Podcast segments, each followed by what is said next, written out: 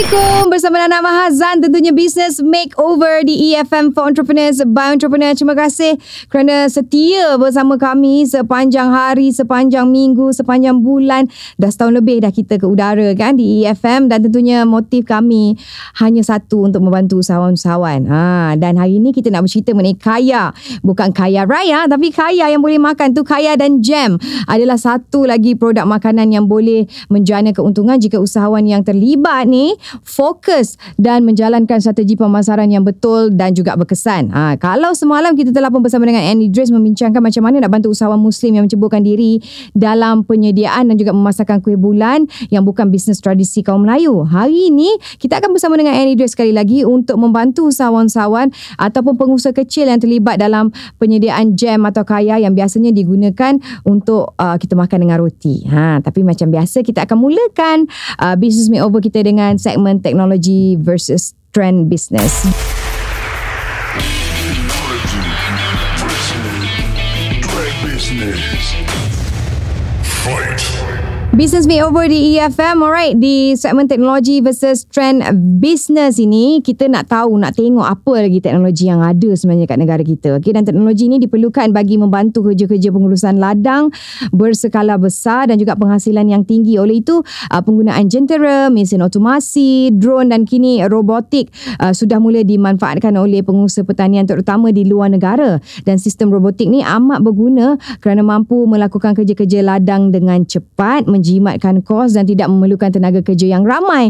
Dan kini sangat membantu manusia dalam usaha memodernkan sektor perniagaan. Dan sistem robotik ini telah pun digunakan secara meluas dalam sektor pertanian di luar negara. Sebagai contohnya sebuah robot dipanggil Wall-E ah telah pun dihasilkan di Perancis bagi memeriksa tanaman di ladang anggur. Dan di Jepun pula penyelidikan uh, dalam sistem robotik uh, pertanian telah dijalankan secara meluas dan pelbagai aplikasi telah dilaksanakan seperti memetik buah, aa, kerja penuaian dan sebagainya. Hebat eh kalau kita ada teknologi sebegini untuk kita gunakan dalam bisnes kita.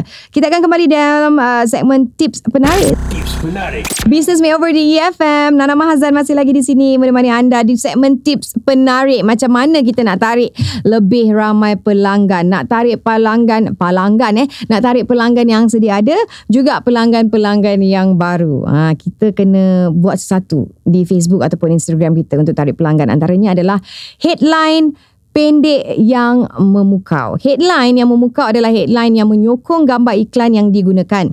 Headline ditulis bertujuan untuk menarik perhatian prospek dan membuatkan mereka membaca ayat iklan yang seterusnya. Anda hanya ada 3 hingga 5 saat je tau untuk membuatkan prospek terus membaca ayat iklan anda ataupun tidak. Headline yang digunakan perlulah relevan dengan gambar yang anda gunakan. Anda boleh gunakan headline dan juga gambar mengikut isu semasa, masalah utama audience dan apa yang audience inginkan. Jadi fikir sebelum kita tarik panjang-panjang kita punya copywriting tu, fikir dulu headline yang pendek juga memukau. Alright, kita akan kembali selepas ini di segmen Tolong Makeover.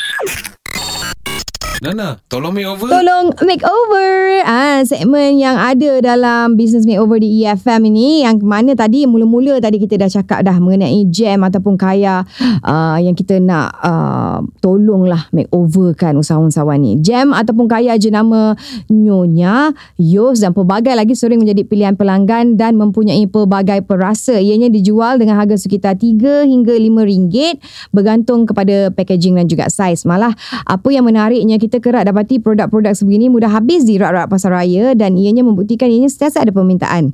Uh, macam mana sebenarnya pengusaha-pengusaha jam dan kaya yang kecil-kecil ni yang kurang popular ini tetapi berpotensi dikembangkan untuk mencecah ataupun mendapatkan pulangan yang maksimum juga memecahkan monopoli jenama yang sedia ada yang sudah pun popular. Teknik pemasaran yang terbaik yang kita boleh lakukan ataupun yang usahawan-usahawan boleh lakukan yang terlibat dalam mengusahakan jam ataupun kaya ini menjadi makanan tambahan untuk roti dan biskut. Ha, jadi kita nak tahu uh, teknik pemasaran ni sebelum kita melakukan apa-apa jenis pemasaran kita kena tahulah yang betul lah tekniknya. Jadi kita akan bersama dengan Annie Drace dari My Mom's Bakery di segmen Cuba Try Test Share.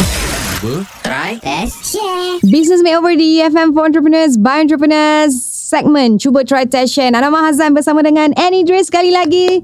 Selamat datang Anne hari ni. Ah, Terima kalau anda tak tahu uh, Annie Dre daripada My Mom's Bakery telah pun memenangi ikon usahawan wanita muda 2019 merupakan seorang mentor dan coach pemasaran juga kan? Uh, Anne punya cara pemasaran mungkin lain daripada coach-coach pemasaran yang lain. Uh, dan dia telah membuktikan cara pemasarannya uh, berkesan. Dan hari ini kita nak bincangkan mengenai usahawan yang terlibat dalam uh, mengusahakan jam ataupun kaya yang juga menjadi pilihan ramai. Uh, kita tahu produk seperti kaya ataupun jam ni sentiasa ada permintaan. Sebab kalau kita tengok dekat rak-rak dekat dalam uh, supermarket atau kedai-kedai runcit tu yang tu yang akan habis dahulu. Uh, mungkin um, ianya juga digunakan untuk buat kuih ataupun cookies. Ha, sebab itulah uh, pengusaha yang baru masuk macam suri, rumah yang minat nak mencubakan diri dalam bisnes ni tapi sukarnya, susahnya nak tembusi pasaran yang kita tahu sangat luas. Sebab kita ada brand-brand yang dah besar dah yang ada yang orang dah percaya kan. Hmm. Untuk pandangan pandangan Anne sendiri macam mana kita nak nak lawan dengan giant ni, nak lawan dengan big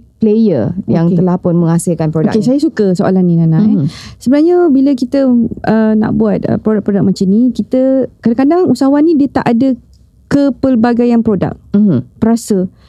Contoh kalau perasa kaya tu kaya je. Mhm. Dia tak ada macam pandan ke, Mhm. kelapa ke, perasa-perasa yang lain.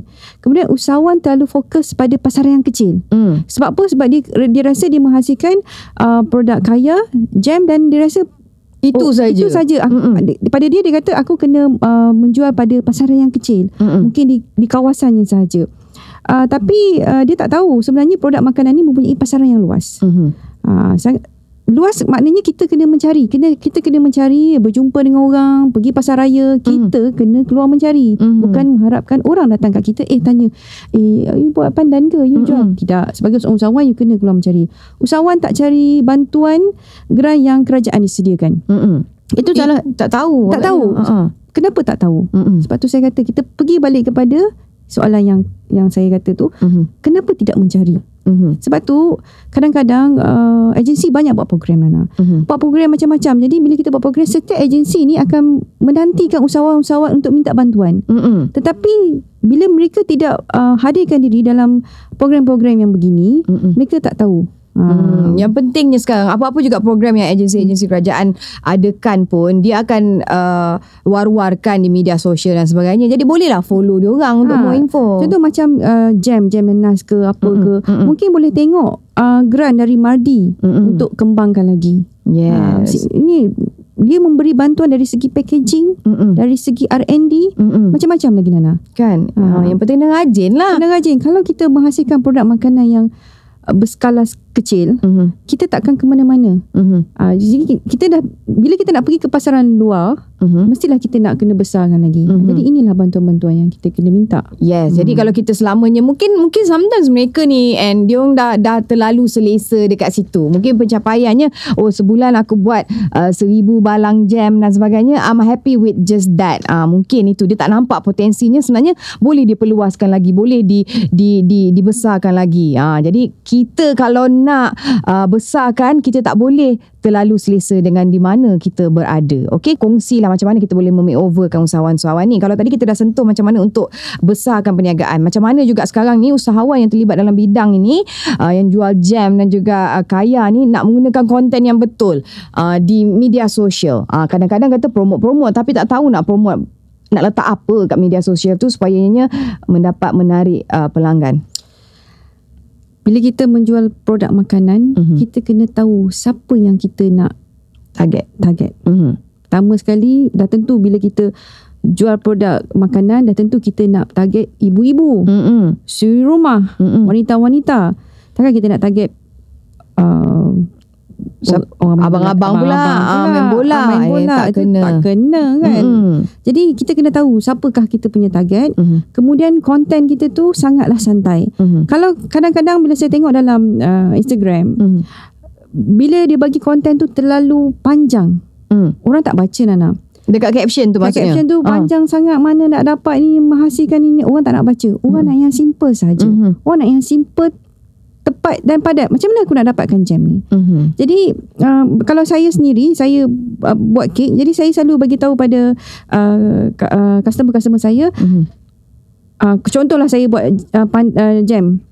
Hari ni pagi ni makan jam ni sedap gila. Mhm. Siapa nak dapatkan jam ni?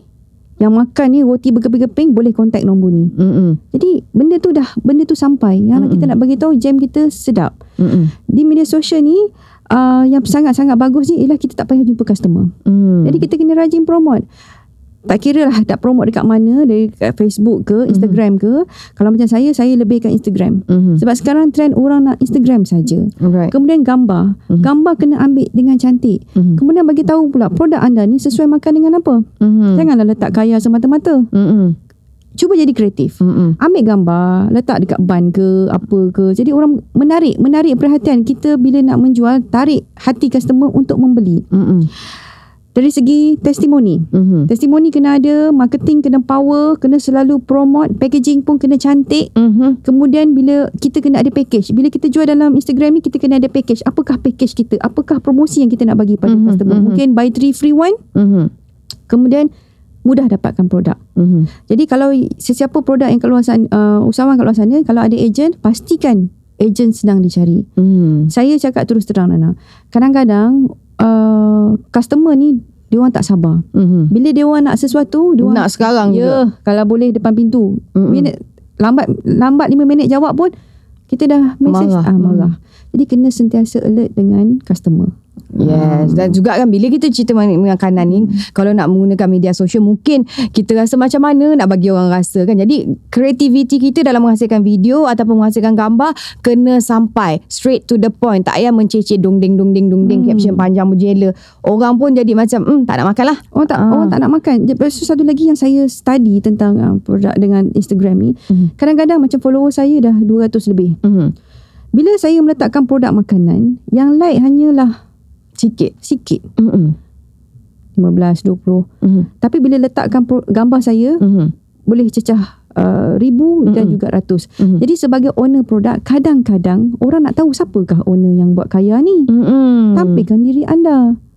Yes Pegang produk anda kaya. Oh inilah dia owner kaya. Hmm, kita owner boleh jam. tunjuk kita makan Ya. pun tak ada masalah kan. Buat cara makan, cara nikmatnya. Benda-benda tu membuatkan lebih kita dekat dengan customer sebenarnya. dan juga mengiurkan ha. Ah. bila kita tengok orang makan tu kita pun rasa hmm, sedapnya terlain liur gitu kan and mungkin dah cuba pelbagai jenis uh, cara pemasaran which one is the best Sekarang adalah trend online. online Jadi jual online. Sebab tu saya kata bila ada online maknanya anda mampu pergi kepada offline. mhm Tetapi kalau anda bermula dengan offline, mhm mungkin anda tidak boleh bertahan. mhm Jadi pergilah kepada online online. dulu eh Bagaimana nak berkesan dan nak bersaing dengan uh, usahawan-usahawan lain ialah kenal produk anda dulu. hmm Kenal kita ni kena tahu produk kita apa kita nak jual, apakah perasa apa. Semua kita kena tahu produk. Mhm. Kemudian macam saya kata tadi, kenal customer. Target pemasaran tu sangat penting. Kemudian bila kita berniaga ni Nana, mhm kita kena tahu 10 tahun akan datang aku ni nak jadi apa. hmm Apa nak jadi? Takkan nak jual kaya banyak tu banyak je tu je. Mm-mm. Mesti kita nak pelbagai. Mm. Mungkin bila kita 10 tahun akan datang dengan kaya ni nanti mungkin boleh menghasilkan roti, roti Mm-mm. kaya, roti dan sebagainya. Jadi sebagai seorang usahawan kena kreatif. Mhm Hmm. Capai tahap orang kata produk anda sentiasa laku, jangan kedekut untuk melabur dalam marketing. Mm-hmm. Tu kira Ah. macam investment jugalah. Kadang-kadang kita invest untuk advertisement. Kadang-kadang kita tak nampak sale tu yang masuk. Ah, tapi sebenarnya dengan kita membeli iklan dan sebagainya, dia create awareness tentang kewujudan branding ataupun produk kita tu sendiri. Kalau kedekut juga, Mm-hmm. belajar marketing sendiri. Ah. Jangan malas. Ah, Ha, kan? itu kalau kita kedekut lah. Mula-mula saya dulu kedekut lah. Mm-mm. Kan? Buat sendiri Buat semua sendiri lah. semua. Tapi Ah. bila satu tahap dah tak mampu. Jadi saya... Hire orang. Yes, betul. Ah, jadi tak salah sebenarnya. Ah, dan kejap lagi saya nak sentuh. Tadi kita cakap pasal uh, agent dan juga stokis. Ini salah satu cara macam mana satu produk ataupun sesuatu uh, servis itu boleh berkembang dengan cepat sebab ada orang yang tolong uh, menjalankan bisnes itu juga untuk kita. Jadi kita fokus kepada agent dan juga stokis. Mungkin Anne boleh ulas sedikit mengenai itu. Sebenarnya waktu saya mula dulu, Mhm. saya ada ejen. Mhm. Sekarang ejen saya dah 200 lebih orang. Mhm. Kemudian saya produk saya juga ada berada di Petronas 32 Petronas. Wow. Ha, saya ada. Jadi bagaimana kita nak cari ejen? Mhm. Bila kita menghasilkan satu produk yang sedap, Mhm. yang berkualiti, orang akan cari. Mhm. Jadi pada masa yang dari semasa ke semasa saya akan sentiasa mencari siapa nak jadi ejen saya. Mhm. Nak cari duit lebih, Mhm. student nak cari duit lebih, suri rumah, Mhm. apa semua. Jadi kita bukakan iklan tu, cari. Jadi di situ bila kita ada ejen-ejen duta-duta kecil kita ni, Mhm. diorang akan ambil produk dan diorang mempromote. Mhm. Jadi bila promote, jadi bila orang rasa, sebab tu saya kata kena hasilkan produk yang berkualiti. Mhm. Bila customer rasa sedap, diorang akan repeat. Mhm. Kemudian yang tukang rasa pun timbul di hati, eh aku pun nak jadi ejen. Mhm. Jadi di situlah produk kita semakin berkembang dan berkembang. Mhm. Bagaimana nak jaga ejen ni pula? Mhm. Kenalah memberi orang kata Insentif. yes yang banyak sikit. Mhm. Kalau kita bagi RM1, RM2 orang tak buat kerja. Betul. Ha, jadi orang nak lebih. Mhm. Bagilah yang lebih. Mhm. Contoh macam baru-baru ni, raya baru-baru ni, ejen saya menjana pendapatan RM10,000 ke RM15,000. Mhm. Hanya menjual biskut raya saja. Mhm. Jadi dan kita sebagai owner juga kena sentiasa promote. Kerana apa? Ejen ni mengharapkan kita. Kita mengharapkan ejen. Jadi kedua belah pihak ni memerlukan antara satu sama lain. Right. Saya kena sentiasa promote ini ejen saya, ini produk saya. Mana nak dapat? Mana nak dapat? Johor, Melaka, Terengganu. Kita kena sentiasa promote. Mhm. Ha, macam tu juga ejen lagi semangat. Bila HQ mempromote mereka, mereka lebih semangat untuk menjual. Yes, hmm. itu sebenarnya kadang-kadang kita nak start uh, ada ejen, ada stokis tapi kita tak tahu macam mana selok-belok untuk uruskan dia ataupun macam mana cara yang terbaik uh, commission yang perlu dia orang dapat dan sebagainya. Sebenarnya kita kena buat sedikit calculation lah uh, berapa keuntungan kita mesti kita tak boleh rugi lah walaupun kita bagi dekat ejen ataupun stokis tu kan. Kalau kita rugi macam mana pula hmm. kan? Tak boleh. Okey dan lepas ni kita akan sambung mengenai antara kesilapan yang kerap dilakukan oleh usahawan-usahawan di luar sana. Okey, uh, and meski dah jumpa dengan ramai usahawan-usahawan. Sekali bagi talk je uh, 100 200 ada yang mungkin uh, yang skala kecil 10 20 orang kan tapi dah ramai lah jumpa usahawan ni.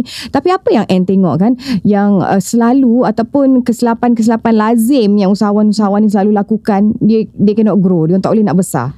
Salah satunya Nana, Mhm. yang paling saya nampak ialah malas update.